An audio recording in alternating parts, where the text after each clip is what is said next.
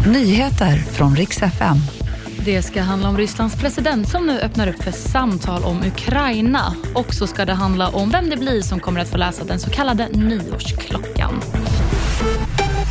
Vi ska börja med att Rysslands president Vladimir Putin har meddelat under dagen att Ryssland skulle vara beredda för att samtala om Ukraina. Både med Ukraina själva men även med USA och övriga Europa om så önskas. Och det här meddelar Reuter.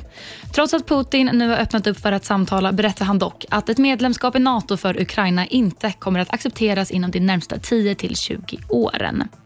Vi går vidare med att SJ ställer in flera av sina avgångar under julhelgen. Och enligt SJ ska det handla om 16 avgångar med X2000 och bero på att det inte finns tillräckligt med vagnar. Resenärer ska under dagen ha informerats om situationen via sms och SJ uppmanar alla som ska resa under de närmsta dagarna att hålla koll på uppdateringar om trafikläget.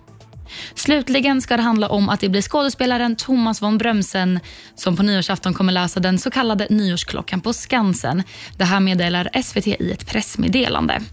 Nyårsklockan har lästs på Skansen sedan 1895 med endast bara några få undantag. Och Det var nyheterna och mitt namn är Moa Jonsson.